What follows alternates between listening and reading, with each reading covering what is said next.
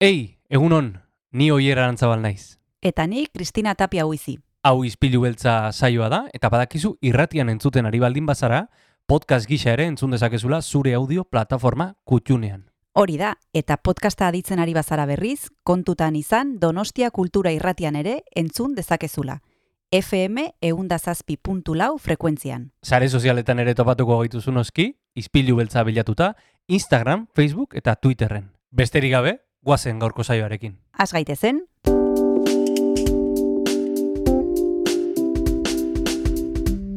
Ispilu beltza.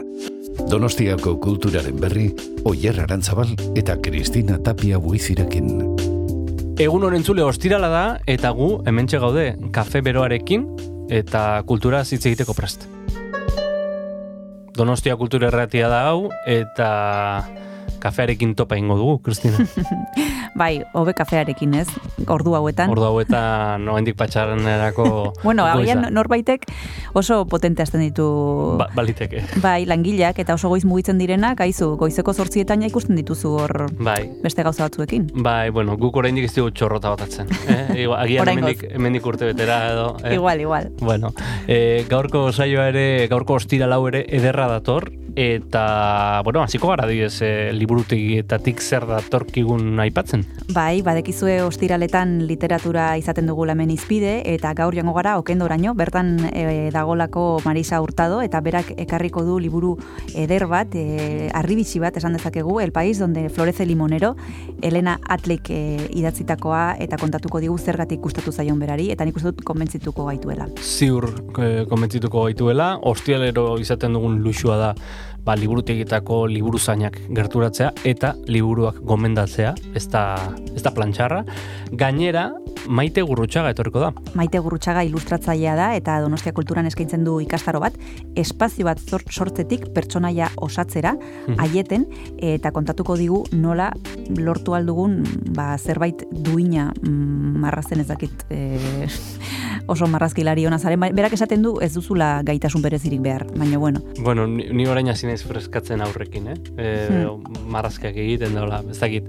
E, ona ez, hori desde luego. E, intentzioa jartzen diozu. Intentzio jartzen diot. Ea, ea maitek laguntzen digun e, intentzio hori, ba, hobetzen. Ba, Jon Gartziaren musikarekin, guazen gorko saioarekin. Guazen gaurko izpilu beltzarekin.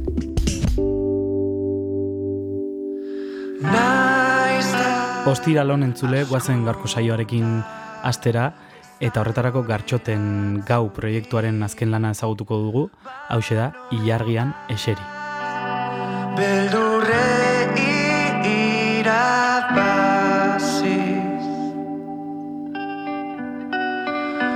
Une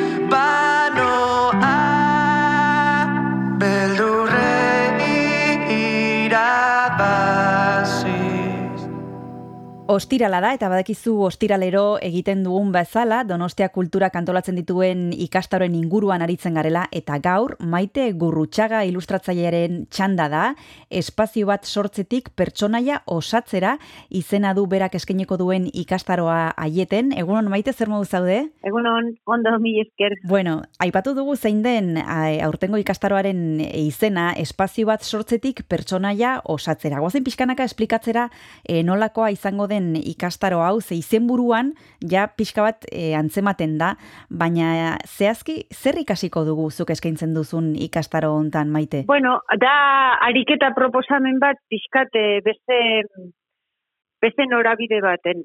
Eh, normalen igual historio bat sortzen hasten janen lehenengo pertsonaia sortzen du eta horren ingurun espazio bat, baina oraingo hontan proposatzen dana da alderantzizko lana. Pixka bat kon, kontzientzia hartzeko eh, hori inguru bat eta pertsonai bat sortzen ari zeanen ze garrantzi dun ez pertsonaiak bakarrik eta bera nola sortu e, bere ezaugarri fisikok eta askotan bere izaera hitz egiten diguela baita ere inguruek, ez? Eta orduan da inguru bat sortu eta hortik egin ariketa pentsatzekoa eta inguru hortan hontan bizi da persona honek nolako izan behar du, ez? Pixka bat em, jolas, jolas modu baten proposatzea, baina baita ere e, eragitea pentsatzeko e, ikasleai edo parte hartzaileai ba hori, e, ze, ze, zertaraino dun em, garrantzie bat jartzen dituzun objetuk, ze espazio mota aukeratzen duzun, eta hori, lehenengo espazio hori sortu, eta gero hortik abiatzea, hortik hortik pertsonaia sortzea da ideia. Ari gara hitz egiten maite eh, espazioi buruz, pertsonaiei buruz, gauza oso zehatzak, eta nik ez dakit eh, pertsona batek ja aldez aurretik, izena eman aldez aurretik eh, marrazten ikasi, osea, badakien, eh, ez dakite zerbait, eh, a, bueno, ba, mundu hontan eh, esperientzia duena izan behar duen izena ematen duenak, edo ez badu, ez badaki marrazten ere, eh, parte hartu dezake? Bai, bai, bai, ze da, da norberak eh, hori, e, ariketatxo hori egitea, ez? Eta hori edo zeinek egin lezake. Eta hori da, ba, ba idazle bat edo zein ere mutara eramangarri edala iruditzen zait gaur nintzen petxatzen ba idazle batek pertsonaia sortzeko e, ez ba be, lan inguru bat sortu beharra dauken bezala eta pertsonaio hori osatu beharra dauken bezala bai izaeran eta bai fizikon ba ba berdin da irudi iruditara eramaten duzunen orduan bueno horren aurren edo zeinek eh, eran edo zeinek erantzun dezake, edo, bueno, interesa sortu diezaioken edo zeinek hartu lezake. parte. Eta e, testua, e, abia puntua zein da, norberak idatzitakoa, zuk proposatzen diezu zerbait? Bueno, testu bat, egongo da, norberak nahi baldin badu, Aha. e, batzutan e- izan, e, apunte batzuk hartu ditzazkezu, ba, bueno, espazio bat behar dut alako eta alako eta zenbait apunte hartu, ez? Edo, edo, edo incluso testu bat osatu, deskribapen bat sortu, eta hortik hasi. Baina ez da, ez da beharrezkoa, da marraztea, espazio bat marraztea, da, eta marrazten zoazen bitarten, e, pixkat buruei eragitea, ez, ez au, automatikoki sortzea, baizik eta pixka bat pentsatzea, ez? Gero ondoren etorriko dan pertsonai horren horrentzako ze, ze espazio izango dan. Eta eta hor hortan pixkate eh, aritza orduan zuzenen marrazten, marrazten jarri zintezken, edo zo apunte hartu ditzazkezu. Bakoitzak bere prozesua dauke eta gero batzuk eh, zuzenen margo kartu nahiko dituzte, beste batzuk igual arkatzak inaziko die lehenengo, eta hori pixkat libre ustea da, asmoa ze hor, da, bai, gerturaketa bat da, orduan, bueno, el- bakoitzak egin dezala bere atxeginena zaion modun, ez? Nik a- adibide batzuk eramango ditut baita ere, eta horrek beti basortzen du, ez? E, ba, bida hemendik jo dezake, eto ideia batzuk hartzeko ba hori pr- proposamenak eta hor jaso ditzazkete baita ere. Mhm.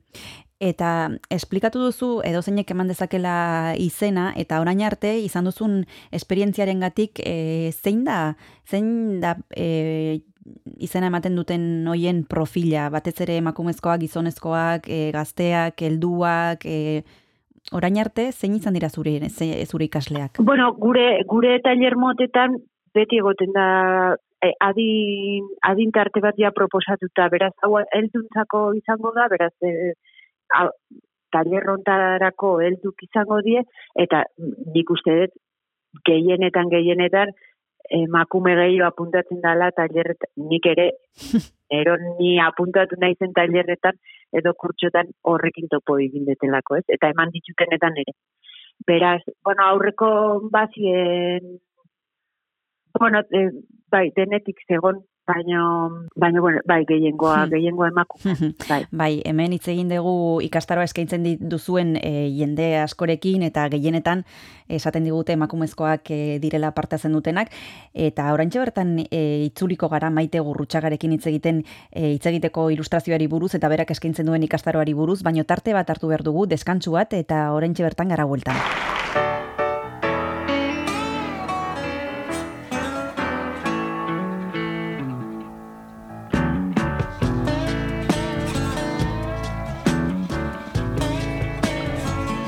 Oh, the streets of Rome are filled with rubble.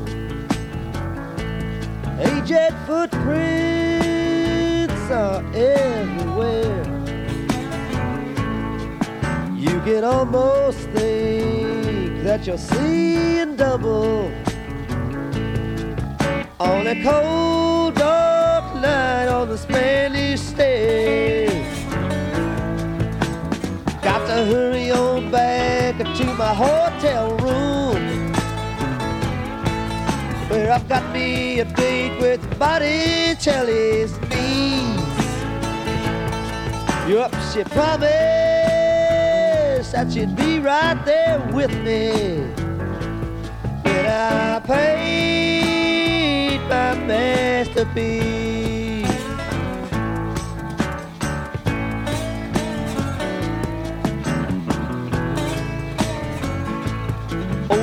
the hours that I've spent inside the Coliseum, dodging lions and wasting time. Oh, those mighty kings of the jungle, I could hardly stand to see them. Yes, it sure has been a long, hard climb. Train reels running through the back of my memory. As the daylight hours do increase. Someday everything is gonna be smooth like a rhapsody. When I paint my masterpiece.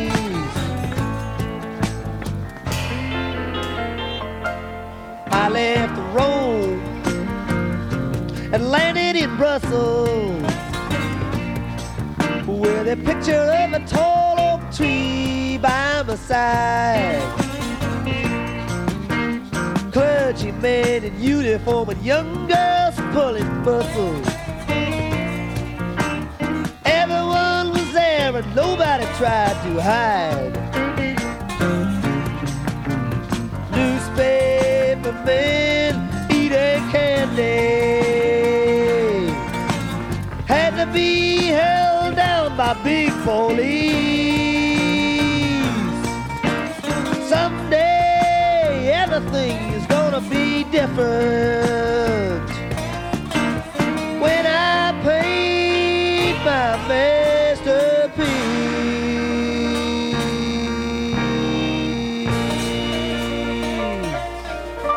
Gaur telefonoaren beste aldean maite gurrutxaga ilustratzailea daukagu, berak aieten eskaintzen du espazio bat sortzetik pertsonaia osatzera izena duen ikastaroa, eta ari ginen justu honen inguruan hitz egiten aipatu duzu edonork eman dezakela izena, e, baina protagonista bat e, sortu behar dute, espazio batetik abiatuta e, bertara baten direnak, eta protagonistan pentsatzen dugunean, ezakit e, ze gauza jakin beharko genituzken protagonista horren inguruan. Nolakoa den fisikoki, noski, baina zein afizio di duen pertsonaia horrek, e, ze bizitza izan duen, ezakit marrasteko protagonista bat edo pertsonaia bat en, ze gauza jakin beharko genituzke edo ze gauzetan pentsatu beharko genuke e, marraz, marrazten hasi baino lehen. Em, uste dut, ma, marrazten, marrazki bat egiten dezunen eta marrazki baten bitartez zer kontatu nahi dezunen, gero eta gehiago eh, landu inguru edo, gero izan leike gela txuri bat, eh? Mhm. Osea, bi, bi objekturekin. Baina gero eta gehiago pentsatu, bai pertsona hori, nolakoa izango dan, edo bai bere espazio vitala nola izango dan, gero oso amarrazki simplea izanagatik ere, irudi horrek gehiago kontatuko digula. Beraz, hartu dezakezu, ba hori es, espazio bateko objetutatik a- abiatu zaitezke, edo, edo pentsatu dezakezu urrengo ze bi klasetan emango da, lehenengo espazioa landuko da, eta hori izango da abia puntue, baino, baita ere apuntatu dezakezu pertsonaia hori nola, nolakoa izango da.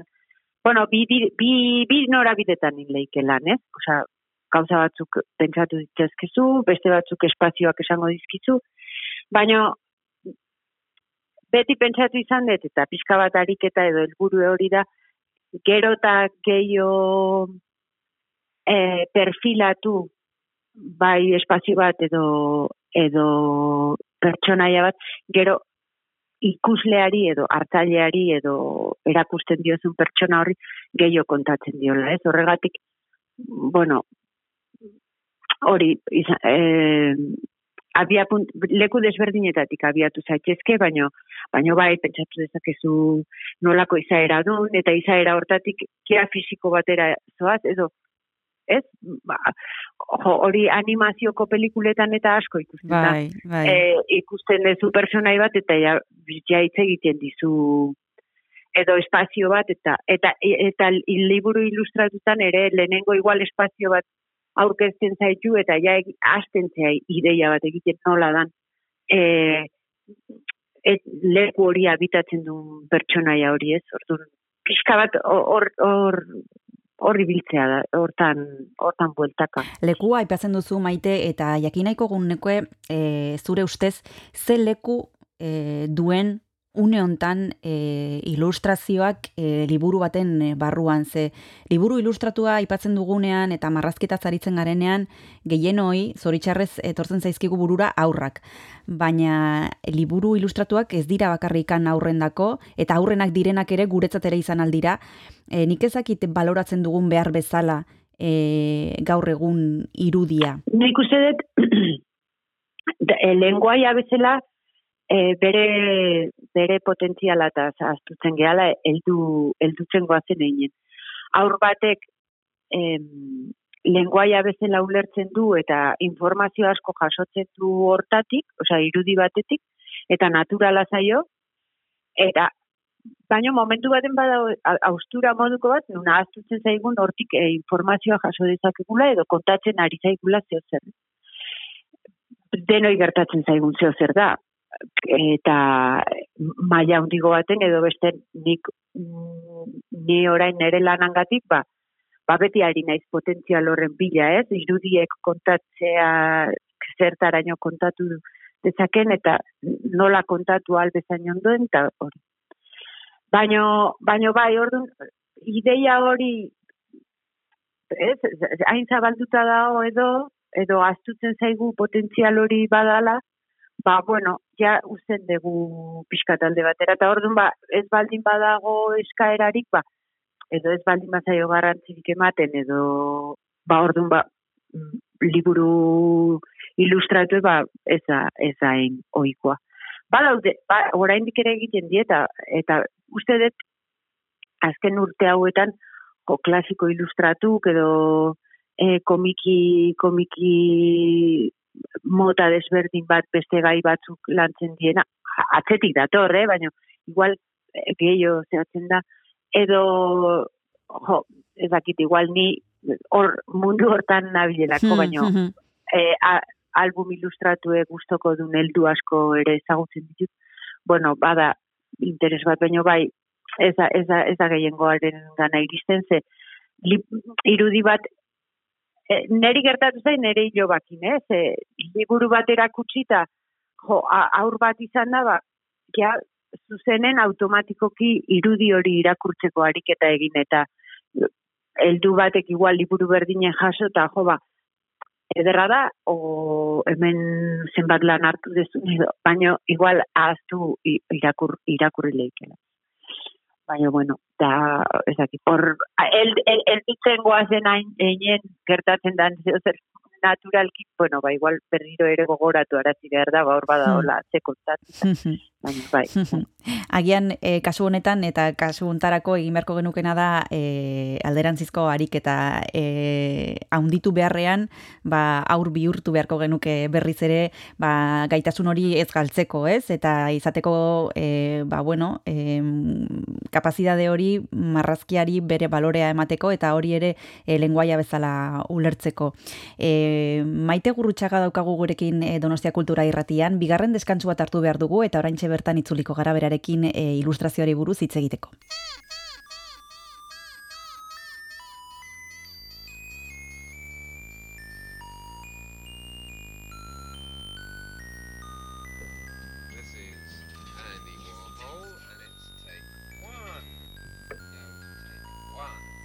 It's it's Warhol actually. What did I say? Hull. It's Hull. As in hulls. What? Andy Warhol. Andy Warhol. Like hop hop.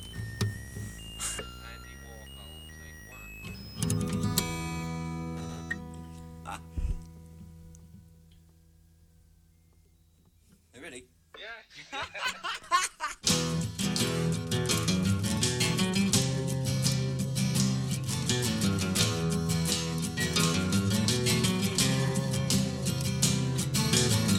Like to take a cement fix, be a standing cinema. Dress my friends up just for show, see them as they really are. But the people in my brain, two new pens to have a go. I'd like to be a gallery, put you all inside my show. Andy Warhol looks a scream, hang him on my wall. Andy Warhol, silver screen, can't tell them apart at all.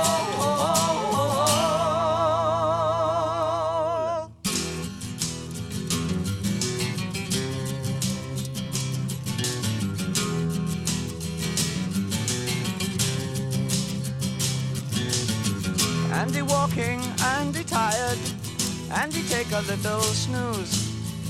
Tie him up when he fast asleep, send him on a pleasant cruise. When you wake up on the sea, be sure to think of me and you.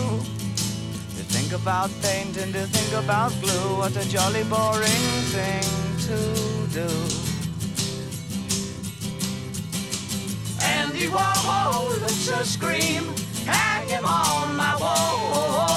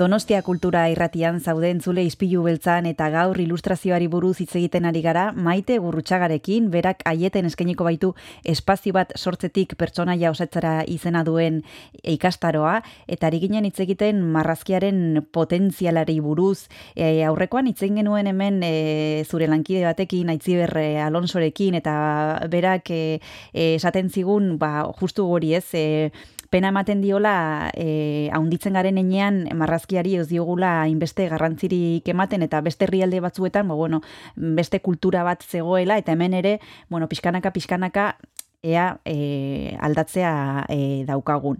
E, nik ezakit e, maite zure kasuan berak ere esplikatu zigun zein zen bere lan egiteko prozesua, eta nik ezakit zein den zurea. E, bueno, lehenbiziko testua irakurri, harremanetan jarri idazlearekin, edo ez, e, edo zirriborroak bidali, edo ez, e, zuk en, enkargu bat jasotzen duzunean, e, zein da egiten duzun lehenbiziko gauza eta zein izaten da bidea? Bueno, bezero bakoitzakin desberdin da, ba- baino ea, neri gustatzen zaiten modun, batzutan denborak ez du posible egiten hori, baino e, testu bat e, ematen baditea, batzutan norberan gandik e, sortzen da al, album bat egiteko gogoa edo beharra, baino gehienetan argitaletxe batek edo e, eskatutako lana izaten da. Orduan, testue iristarazten dizu, eta eta denbora tarte nahiko txo eman ezkeo gustatzen zait testu hori jaso eta bakar bakarrik irakurri eta hor uzten garatu dadin, baino baino marrazten jarri gabe. Bakar bakarrik irakurri eta presente izan. Eta eta badirudi ba ez ez ez dala ezer gertatzen, baino barrunen ari da ba ba bueno, gelditzen, ez? Gelditzen eta bere neurri hartzen eta ideiak bueltaka dabiltze zu oso konstiente izan da. Bueno, eta ondo, ondoren aldan denbora gehien uzten diot e, testueri bak hor bere toki hartzen edo eta ondoren jabe, bueno, la, lanerako ordua iristen danen, gero entrega, entrega data bat dago, ba, jazen naiz marrazten, ba, lehenengo txiki, formato txiki baten, nik ikusteko em, sekuentzia edo sortu nahi den sekuentziak edo liburun e, aukeratuko dituten eszena hoiek, ba, beraien arten ere baduela nexo bat, ez? Edo eta pixka bat em, ba, e, lantzeko part, zati hori. Gero ondoren eramaten ditut e, bat bat neurrira, ba, liburuek eukiko duen neurrira eta arkatzez marrazten ditut.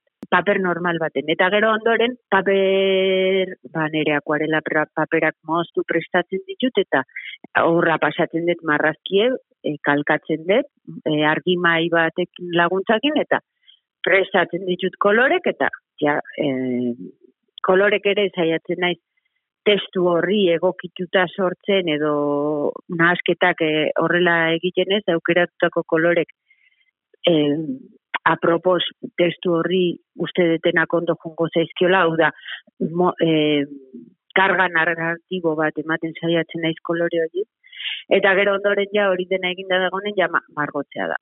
Beraz, hori da pixkat ejekuzio lana, eta hor ja baka, ba, pintzelak hartu eta margotzea. Eta, bueno, handiz, handiko momentu bat da, baino lana guzti hori pentsatzekoa eta eraikitzekoa nola kontatu ze momentu ze ze escena eta bat beste aurretik, hori dena aurretik egindako lana da, pues bozetotan eta gertatzen da guzti hori.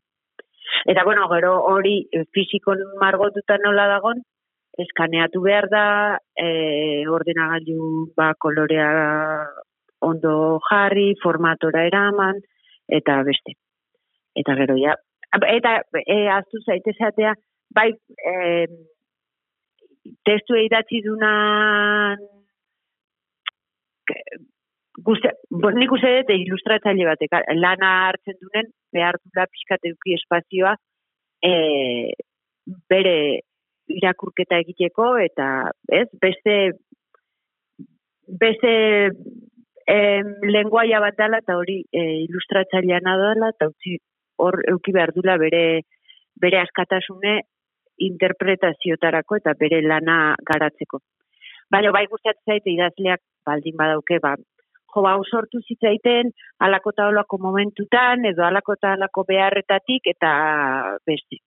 Eta hoi beti da lagungarri.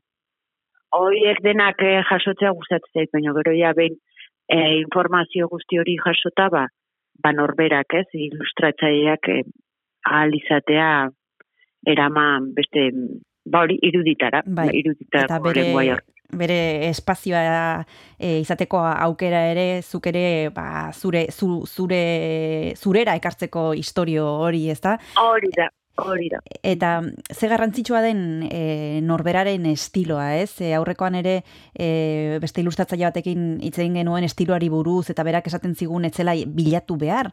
Norberak barruan zeukan zerbait zela hori eta batzuetan e, ez direla ba, pentsatzen dugula e, exitoa izango duen edo arrakasta izango duen zerbait e, e, egingo dugula horrela edo hala egiten badugu marrazki bat, baino estiloa dala norberak barruan daukan zerbait eta hori ez dela bilatzen edo ez dela formula matematiko bat. Ezakite zure kasuan, e, ba, no- nola, nola joan zareten elkartzen zu eta zure estiloa. Ba, bida, era bat, era bat ados nago esaten dunakin, gainera uste dute norberan estiloari kasorik ez eginta, e, ba hori, orain bogan dagoen horri jarraitzea edo beste, mm, ibilbide gutxiko gauza bat dela. E, ze pareta baten kontra bezala zoaz, eta azkenen e, ez duzuta hitz egiten eta hori uste dut nabari dela. Nik estiloa askotan pentsatu izan dut dala nere gabezin katalogo bat, osea, Wow.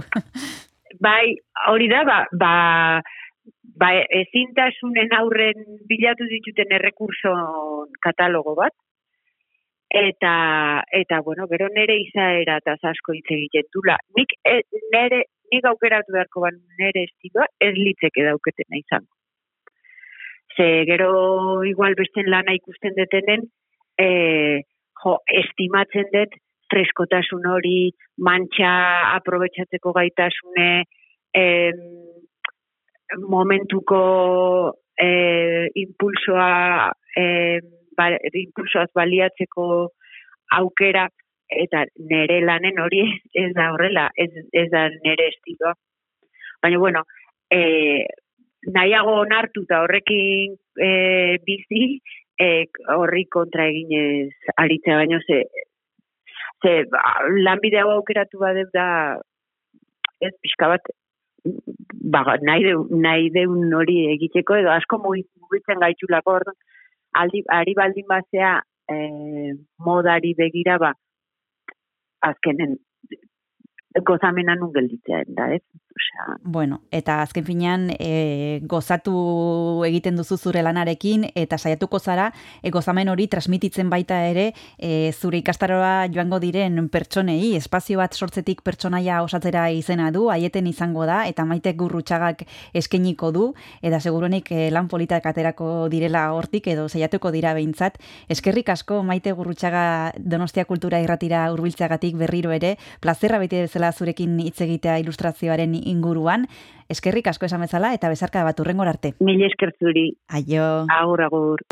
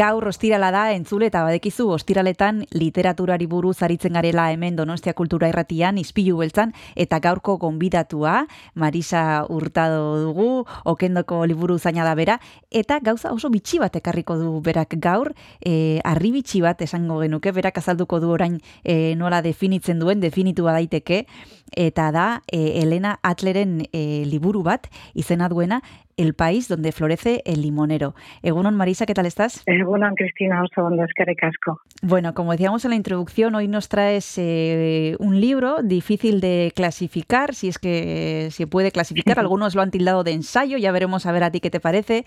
Eh, una joya, también podríamos decir, eh, a lo mejor con eso acertamos un poquito más, y es eh, el, país donde florece el limonero. Marisa, cuéntanos, ¿qué es esto? Pues a ver qué es, ya te voy a decir yo qué es. Mira, está, está eh, catalogado como libro de viajes, pero en realidad es que es un libro que se podría catalogar desde, desde otras perspectivas, porque en este libro se encierran muchos libros.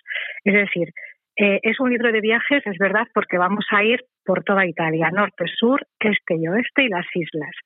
Pero también es un libro de historia, porque a través de los limoneros y de los cítricos, una cosa así que no parece nada importante, pues vamos a comprender parte de la historia que se desarrolla en Italia. También, ahora veremos, es un libro de arte, eh, de gastronomía, porque vienen recetas, la verdad es que yo algunas las voy a hacer porque no parecen difíciles, pero como muy riquitas. También es un libro de arquitectura, de, de jardines, de paisajismo, eh, qué sé yo. También habla de ciencia, también habla de perfumes y también nos habla de la mafia. O sea que aquí tenemos un tratado que en un solo libro, que aparentemente está eh, catalogado como libro de viajes, pues eh, se encierran muchas historias y muchas eh, clasificaciones distintas. Sí, como decías, podría ser catalogado como libro de historia, libro de arte también, porque nos habla de arquitectura, de ciencia, de comida, de gastronomía, también podríamos decir. Eh, Vamos a empezar por el principio.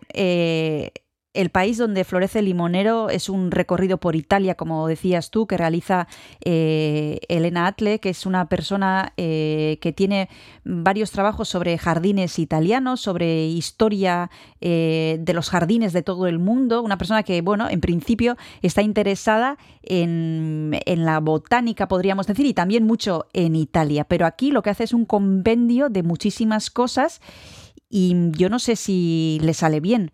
Marisa, en tu opinión. Pues en mi opinión, eh, yo creo que le sale no solo bien, sino sobresaliente, tocando la excelencia. Y es así, es una, lo hace de forma muy sencilla. Eh, la forma de escribir de Elena Atlit es muy al estilo eh, de cómo escriben eh, las inglesas, ¿no? Es decir, pueden hablarte, o los ingleses, pueden hablarte de un tema muy específico, eh, pero no se alejan de él. Es decir, se inmiscuyen en el propio tema. Eh, por eso eh, Elena Atri es parte y es protagonista continua en, en, el libro, porque a través de ella, de sus impresiones, de sus emociones, de lo que le produce pues ver estos paisajes, estos limoneros, las fragancias que pues ella nos va guiando, eh, pero a través de sus propias experiencias. O sea que es un libro sumamente cercano ¿eh? y yo creo que ahí tiene parte de, del interés eh, del libro, porque no se aleja, o sea, no es un ensayo que te habla del limonero desde, desde el punto de vista botánico, crece aquí, sí, no, no, no, es cómo llegan esos limones a mi vida, cómo los siento, cómo los vivo. Entonces, bueno, pues en ese sentido me parece que es una joyita. ¿eh? Pues ahora mismo vamos a seguir hablando de este libro de Elena Atli. Nos vamos a tomar un descanso y ahora mismo volvemos con Marisa Hurtado. Con la chitarra in mano. Lasciatemi cantare, sono un italiano. Buongiorno Italia, gli spaghetti al dente e un partigiano come presidente. Con l'autoradio sempre nella mano destra, un canarino sopra la finestra. Italia con i tuoi artisti, con troppa America sui manifesti, con le canzoni, con amore, con il cuore, con più donne, sempre meno suore. Buongiorno Italia, buongiorno Maria, con gli occhi pieni di malinconia, buongiorno Dio, sai che ci sono anch'io. Lasciatemi cantare con la chitarra in mano, lasciatemi cantare una canzone piano piano, lasciatemi cantare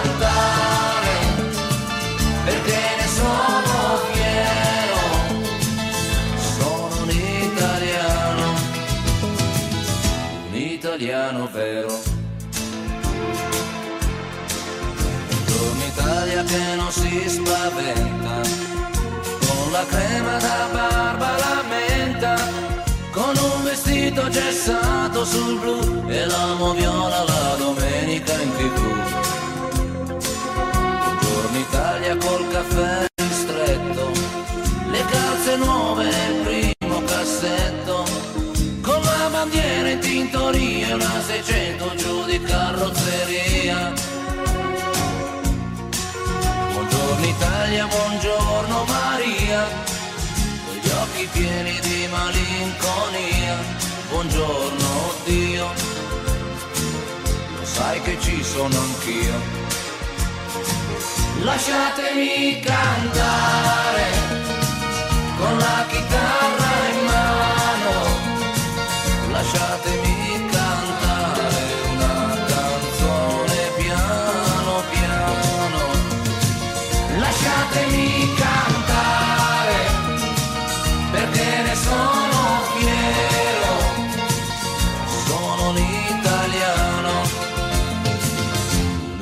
italiano vero.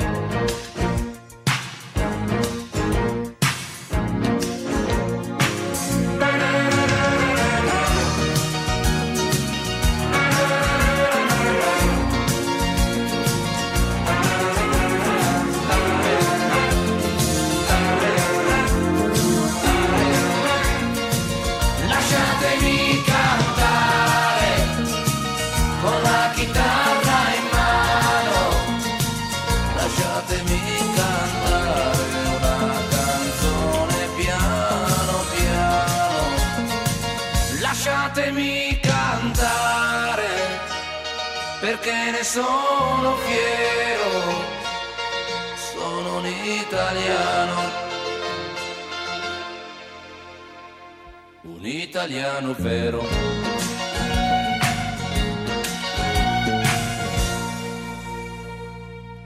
Donostia kultura irratian gaude eta gaur literaturari buruz ari gara hemen hitz egiten Marisa Hurtadorekin, bera okendo liburutegiko liburu zaina da, eta badekizue ostiraletan e, aritzen garela liburuen inguruan. Gaurkoan Marisa Hurtadok ekarri du e, arribitxi bat, eta oraintxe ari gara, aritu gara e, horren inguruan hitz egiten, eta jarraituko dugu Elena Atliren El País donde florece el limonero izena du liburuak, acantilado eh, argitaletxean aurkitu aldu zuena.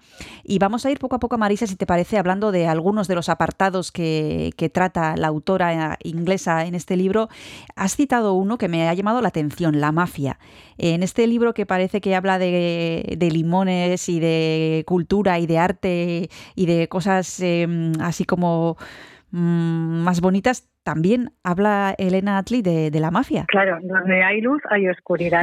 lo que pasa que si me permites, Cristina, para llegar a explicarte lo de la mafia, primero te voy a hablar de la luz. Perfecto. ¿Y por qué esa luz vamos allá. Eh, la agarra la mafia?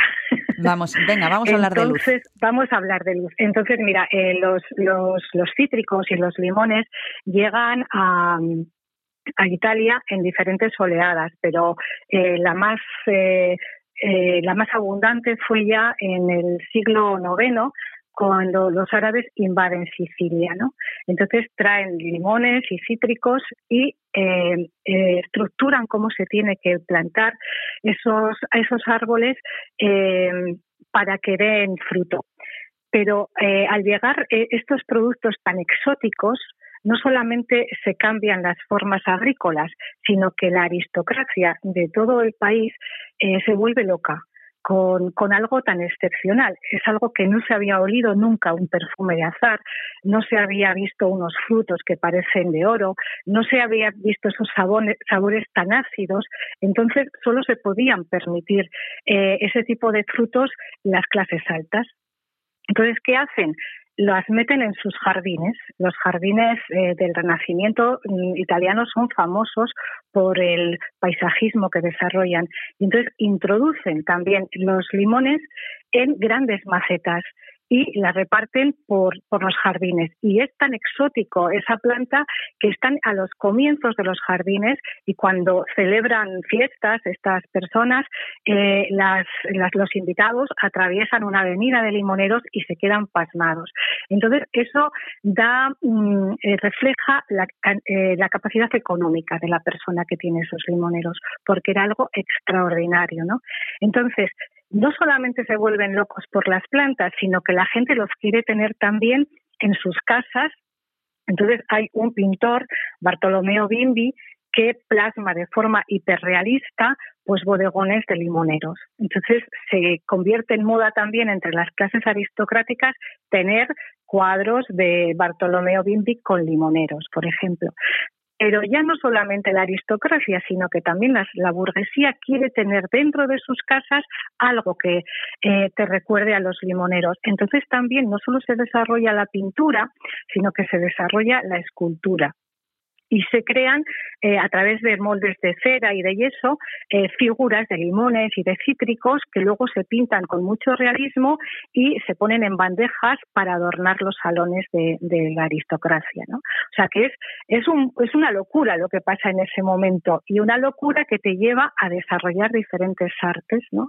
Otra de las artes que se desarrolla es la, la perfumería a través de un, de un cítrico que es la bergamota, eh, sus eh, aceites esenciales hasta el día de hoy son la base más cara para crear alta perfumería. Entonces también se plantan cítricos en eh, bergamota en diferentes zonas de Italia y eh, bueno pues la locura sigue y sigue hasta el día de hoy. Lo que pasa que en el siglo en el siglo XIX también se dan cuenta que los limones sirven para mejorar la salud. Y eh, ya se sabía que en la marina, pues eh, por la falta de vitamina C, cuando se producían esos largos viajes transatlánticos, los marineros se enfermaban de escorbuto. Entonces lo paliaban con eh, cosas ácidas, pero no acababan de sanarse. Y en Italia ya se sabía desde hacía mucho tiempo que los limones, que con los limones el escorbuto desaparecía. Entonces la Marina inglesa encarga a, a Italia grandes cantidades de limones y la verdad es que tiene tanto éxito, la gente no enferma, que la, se corre la voz por todo por toda la zona conocida, ¿no? Por, por América, por, por Europa, y eh, Estados Unidos empieza a pedir grandes cantidades de limones. ¿Qué pasa? ¿Qué pasa? Que aquí los agricultores en esta época se están enriqueciendo y hay un grupo de personas que surgen de la aristocracia, de la alta política, abogados, que dicen, bueno, aquí tenemos que sacar partido de alguna manera. Y es a partir de querer también eh, tener un trocito del pastel de la riqueza que producen los limones, cómo surge la primera organización, los mafiosi, que se llaman los guapos, más a ser más o menos los guapos, ¿no? Los buenos, los que se organizan para empezar a actuar contra los agricultores. Y les dicen, bueno, si vosotros queréis que estas cajas lleguen a puerto y de este puerto lleguen a Estados Unidos, tenéis que pagar el picho, tenéis que pagar el impuesto. Y a partir de ahí, ya esto eh, se organiza cada vez más y la mafia se estructura. Luego, cuando dejan de ser provechosos los limones, ya dejan los limones, y, pero ya han generado la estructura de extorsión para dedicarse a extorsionar a, en otros ámbitos. ¿no? Por eso te decía que era importante saber por qué eran tan importantes los limones para que la mafia se fijara, se fijara en ellos. Bueno, y estas son solo son algunas de las cosas que Elena Atli eh, cuenta en este libro. Ahora mismo vamos a seguir hablando de algunas otras, porque no vamos a contar todas. Eh, nos No, vamos a no. tomar el segundo descanso y volvemos ahora mismo.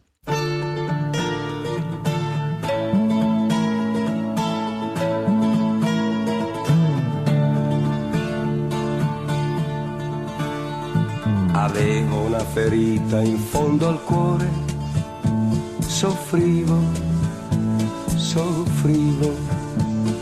Le dissi non è niente, ma mentivo, piangevo, piangevo. Per te si è fatto tardi, è già notte, non mi tenere, lasciami giù. Mi disse non guardarmi negli occhi e mi lasciò cantando così. Che colpa ne ho se il cuore è uno zingaro e va? Catene non ha, il cuore è uno zingaro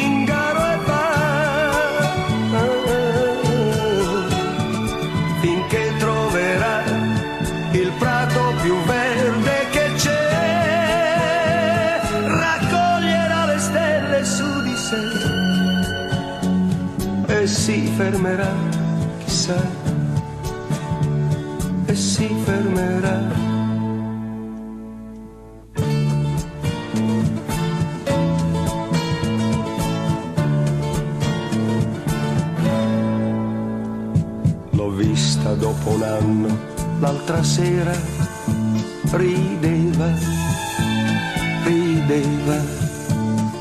Mi strinse, lo sapeva che il mio cuore batteva, batteva.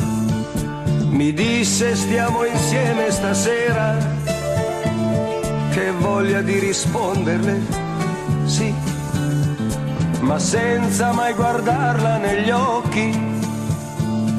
Io la lasciai cantando così. Che colpa ne ho se il cuore è uno zingaro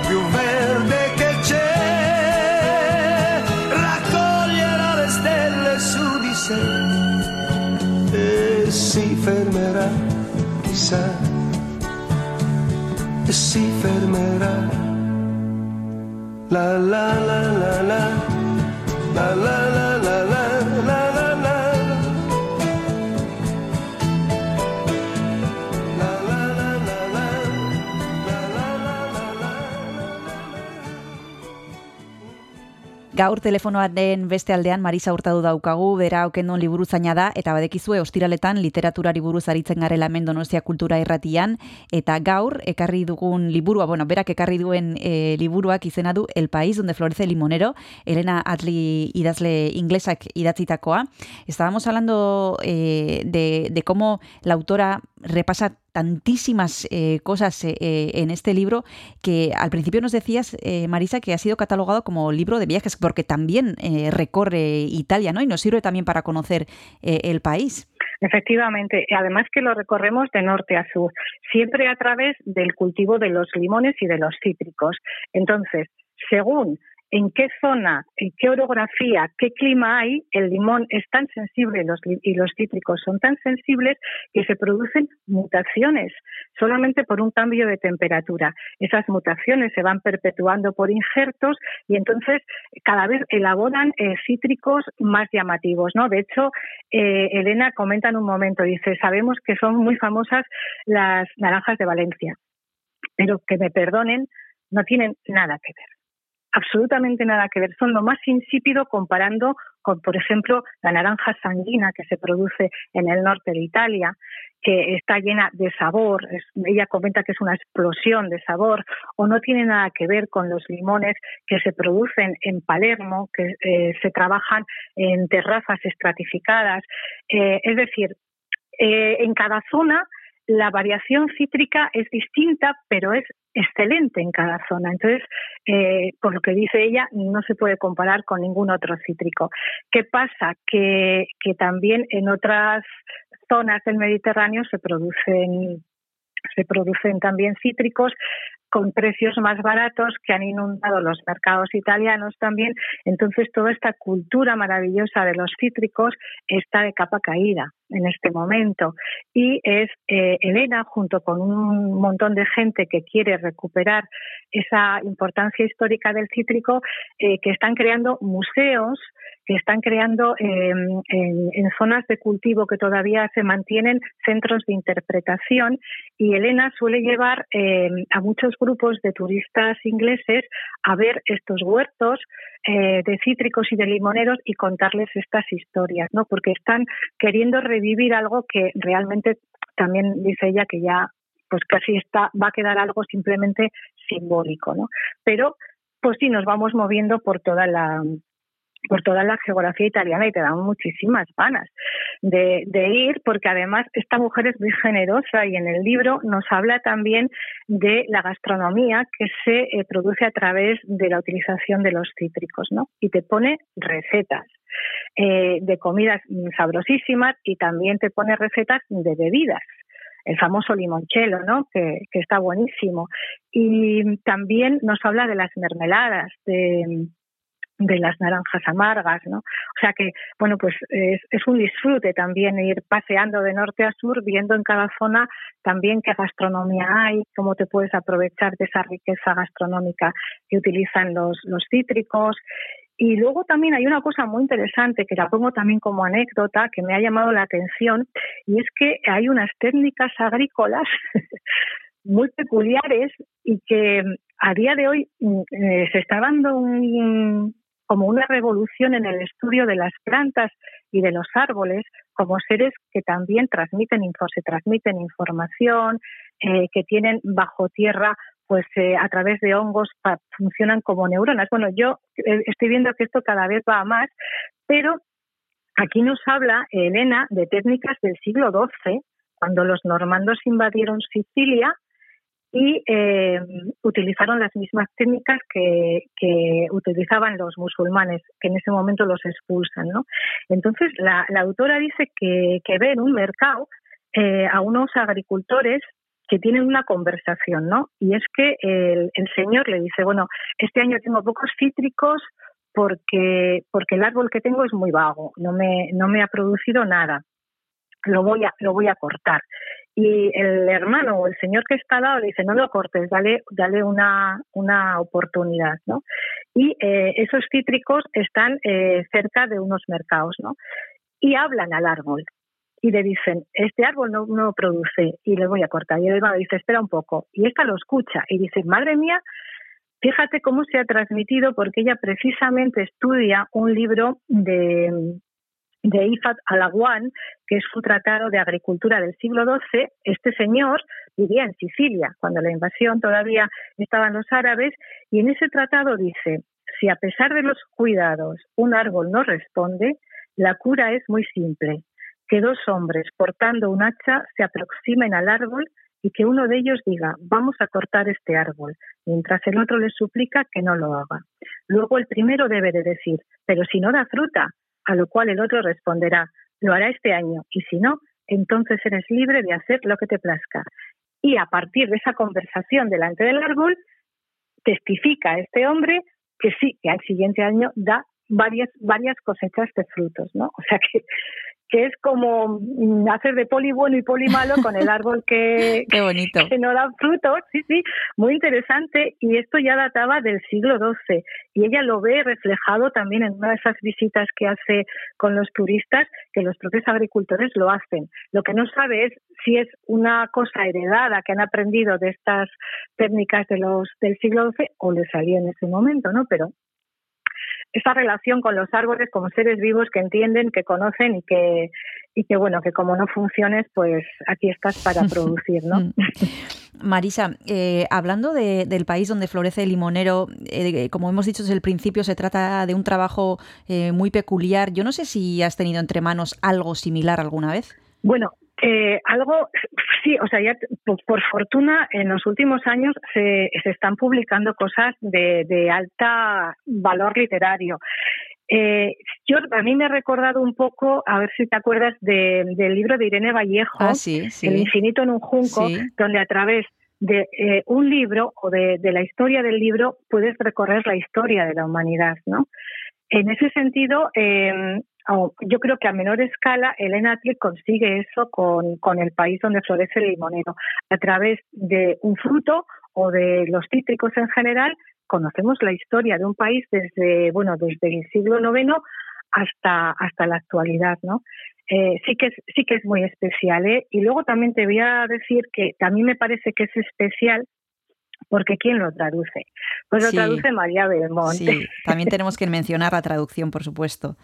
Claro, entonces María Belmonte, que ya hemos hablado de ella aquí en alguna ocasión, es una mujer que también ha escrito sobre mm, el Gran Tour, que era el- los viajes que hacían las clases aristocráticas para empaparse de la cultura clásica, ¿no? Entonces ella, eh, eh, María, además es amiga de Elena y, y entonces ellas participan de las mismas pasiones de la historia por Italia, etcétera.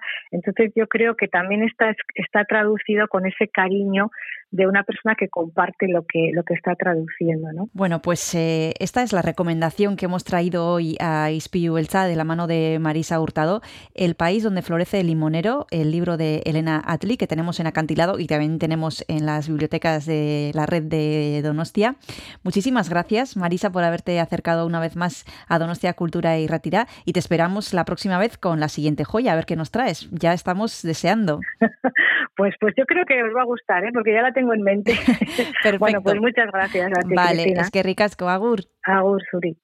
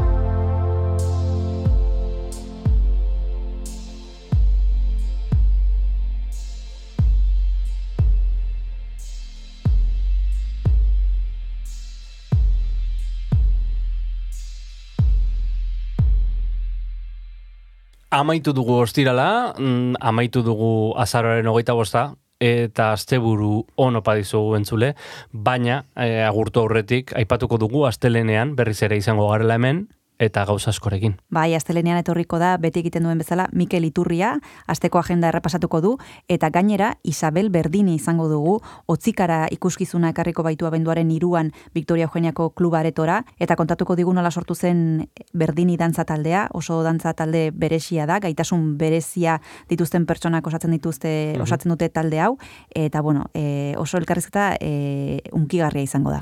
Mm, unkigarria izango da, esan bezala asteleneko saioa, baina e, gozagarria izango da baita ere asteburua, eta opa dizugu asteburu eder bat igarotzea entzule, eta gogoratuko dizugu astelenetik ostiralera sintonizatu dezakezula gurekin, eta modu oso mm, eh, ezberdinetan, esan dezakegu, batetik eh, Donostia Kultura Irratiaren bitartez, FM eundazazpi.lau frekuentziaren bitartez, eta baita ere, ba, audio plataformetan bertan arpidetu, eta goizero goizero emango dizugu kultur dosia. Besterik ez. Asteburuan. Agur agur.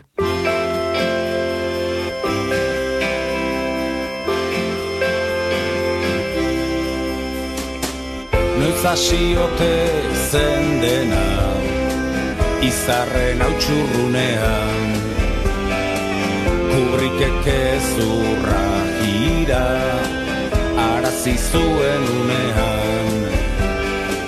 Bilintxen negar ampulu Soil batekin urumean. Behin izan nintzen umean New Yorken zero gunean. Kutsa metafisikoen Barreneko utxunean. Akaso zure egon gelan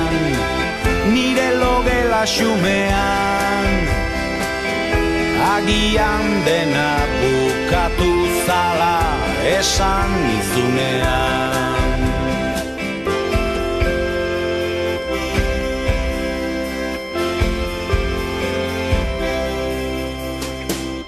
Leze ferta, leze pase Ba alda libre izaterik. Grinen liberalismoaz Zer diozu adan esmit Ekonomiak akaso Biotzak ez du legerik Ez mil urte batek ez bik Ez du beratu jenderik Ez dago zu betikorik Ez dago ies beterik Kuadro beltz bat zurian. Utzita joan zen malebik Zergatik ez dago dutxan Zuk utzitako hilerik.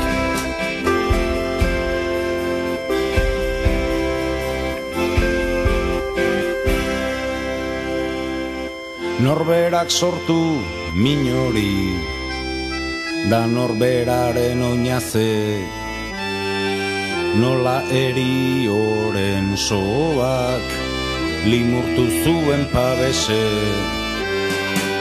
Egon arririk gabeko Piztiok ere alaxe.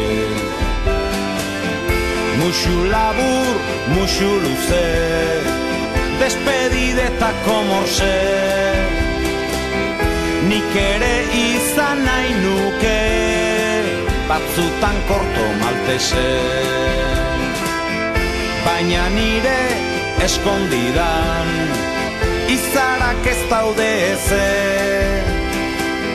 Arrakalatuz dikoaz Desertuak bezalaxe Autazko desertua da Badago urbearrik Nire iritziz errua. Dute laboak tasarrik Ertzainakek politikak Ta iru lau ametxlarrik Ez dago fikzio txarrik baina bizitzan alperrik Ezin da eskatu irri bat. Entzun nahi gabe negarrik. Lotan sozialista izan Kapitalista itzarrik. Horregatik gozaltzen dut Goizero bakar bakarrik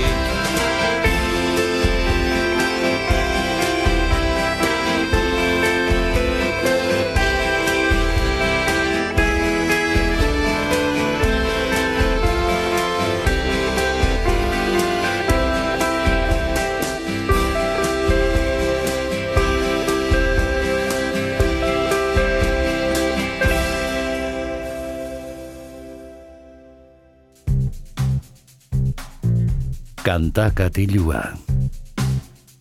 Jon Gartziaren eskutik. Kaixo entzule, iritsi gara izpilu beltzaren amairara eta iritsi gara kantakatiura asteburua gogo sartzeko kantakatiura ostiraletan egiten dugun moduan eta badakizue entzun baduzu lehenago gure tartetxoa ba, dantzan joatea gustatzen zaigula asteburura aldela eta gaurkoan ba, aitzakia bikaina daukagu izan ere goxua ansalsa e, talde iruñarrak lehen lana kaleratu du, lehen lan luzea kaleratu du, goxuan salsa izenarekin baita ere, eta besterik gabe alaxe hasten da, malkozko irria izeneko kantuarekin.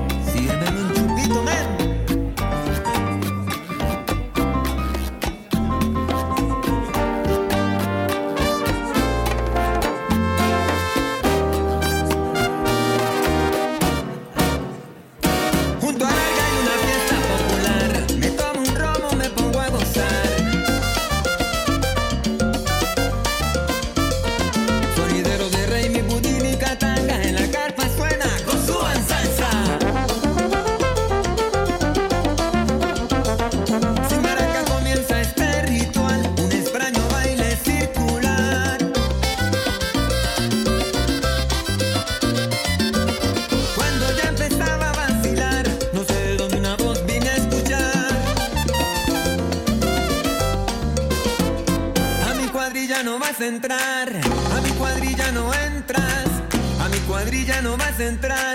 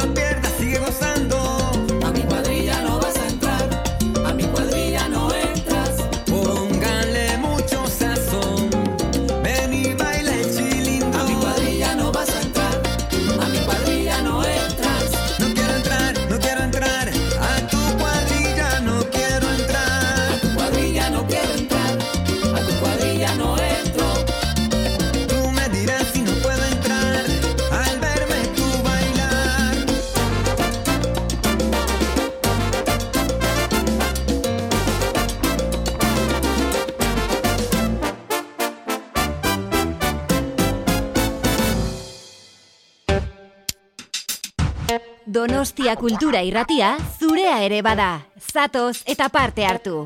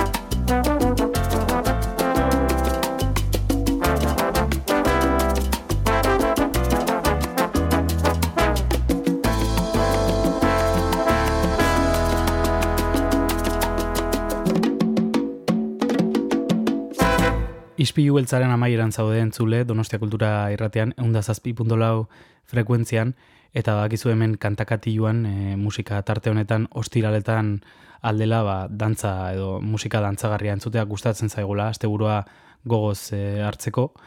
Eta tira, gaurkoan goxua ansalsa talde kolombiar nafarra ezagutzen ari gara, 2008an sortu zen irunean, salsa eta doinu latinoak euskaraz kantatzeko asmoz, ba, mila betzerunda irurogei, irurogei tamarta larogeiko urteetan New York, Kolombia eta Puerto Rico egiten zen salsa klasikoa berritzeko asmoarekin baita ere, eta disko ederra kaleratu berri dute lehen lan luzea da, oso polita zigilloaren e, eh, pean argitaratua izenberarekin, goxuan salsa izenarekin, eta orain txentzun dugun kantua izan da Nuestra Historia izeneko kantu ederra, eta orain txentzun duguna da aurrerapen moduan e, lehenengo etarikoa argitaratu zutena, berri txarrak taldearen bertsio bat hain zuzen ere, entzun dezagun, bueltatzen.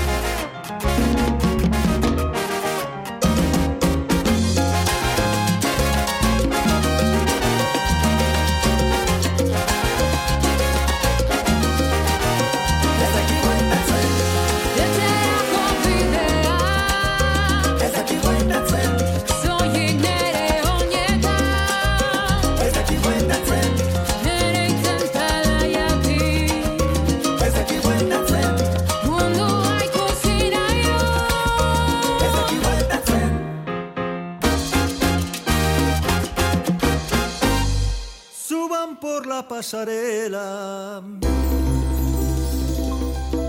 y vénganse a nuestro yate, que nos vamos de crucero por los mares tropicales. Tras la larga travesía,